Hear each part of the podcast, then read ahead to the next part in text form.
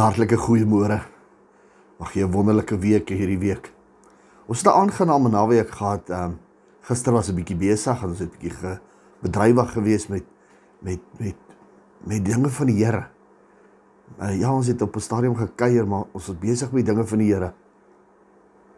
En ons kon ek glo ons kon uh verskille maak in iemand se lewe gister. Prys God daarvoor. Ek vir 'n bietjie hierdie week of so 'n paar dae uh, dalk so 7 dae of 6 dae bietjie met jou gesels oor oor jou jou Goliat.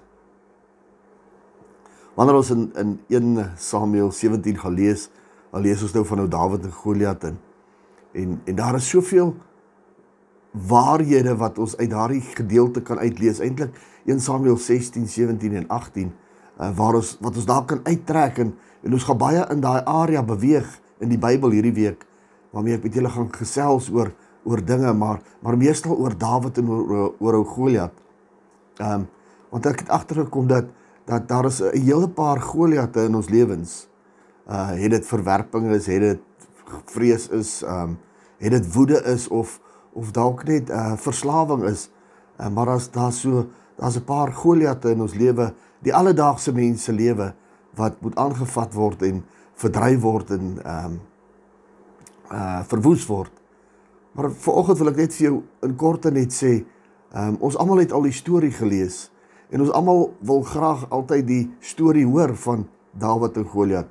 En dalk het ons in die Bybel raak gelees, maar maar dalk het ons dit eers net waargeneem waar iemand die storie ook vertel het. Maar wil ek net vanoggend vir ons almal kan duidelik stel en en en soveel keer het 'n prediker al gekom in my lewe veral het dit al gebeur. Um waar waar hulle kom bedien en hulle preek en mense wil die storie vertel en hulle wil vir jou sê jy moet vas staan. Jy is die Dawid wat kan oorwin. Jy is die een en jy is Dawid seun, jy's Dawid dit. En en met reg gesê, ons is nie die Dawid nie, my boetie en sussie. Dawid is eintlik Jesus wat in ons lewe kom en en hy kom en verwoes hierdie goed. Hy kom en oorwin die dood. Hy kom en oorwin die vrees. Sê hy tog nie ja met my liefde dryf, dryf die vrees na buite nie.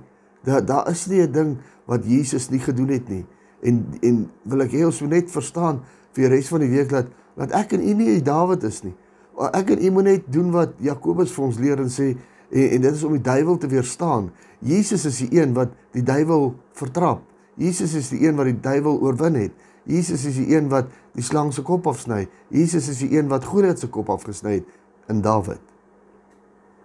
En daarby wil ek vir jou u sê vanoggend dat ons met Jesus gebaseer in ons lewe. Jesus as ons voorloper, Jesus as die ons leidsman, gaan ons kyk na hoe om van die hierdie ding in ons lewe ontslae te raak.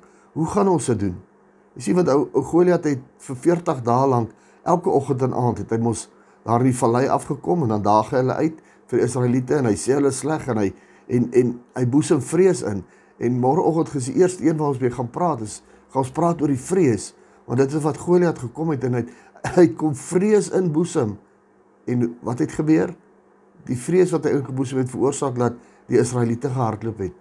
En ek en u sit vandag dalk met met met vrees in ons lewens en vrees vir die dood vrees vir covid vrees dat daar nie salaris gaan wees nie vrees dat ons nie meer werk gaan hê nie vrees dat die kinders uh, op skool kan vorder vrees dat jy dalk nie eksamen gaan doen ons sit ons hele lewe is gebaseer op hierdie vrees.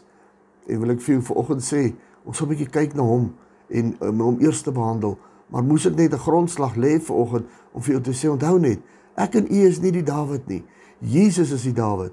En gaan ons kyk na 'n paar dinge wat wat Jesus dan gekom het in ons lewe en ons dit oorwin. Ons sal kyk na woede, ons sal kyk na ehm um, verslawing, ons sal kyk na selfbeeld, van dan verwerping uh in hierdie week, maar so in 'n korte ehm um, en indien nie daarna wil vir regtig nie regkom nie, kan jy my kontak en dan maak ons 'n plan om jou te help om die sukses wat Jesus Christus vir jou bepaal het en vir my bepaal het, die doel wat hy vir my en jou het, dat ons daardie doel kan ehm um, in werklikheid kan bring wat God vir ons beplan het.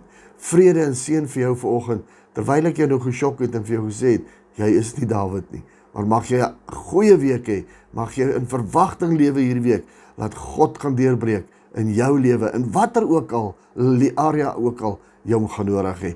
Vrede tot môreoggend en 'n lekker week vir jou.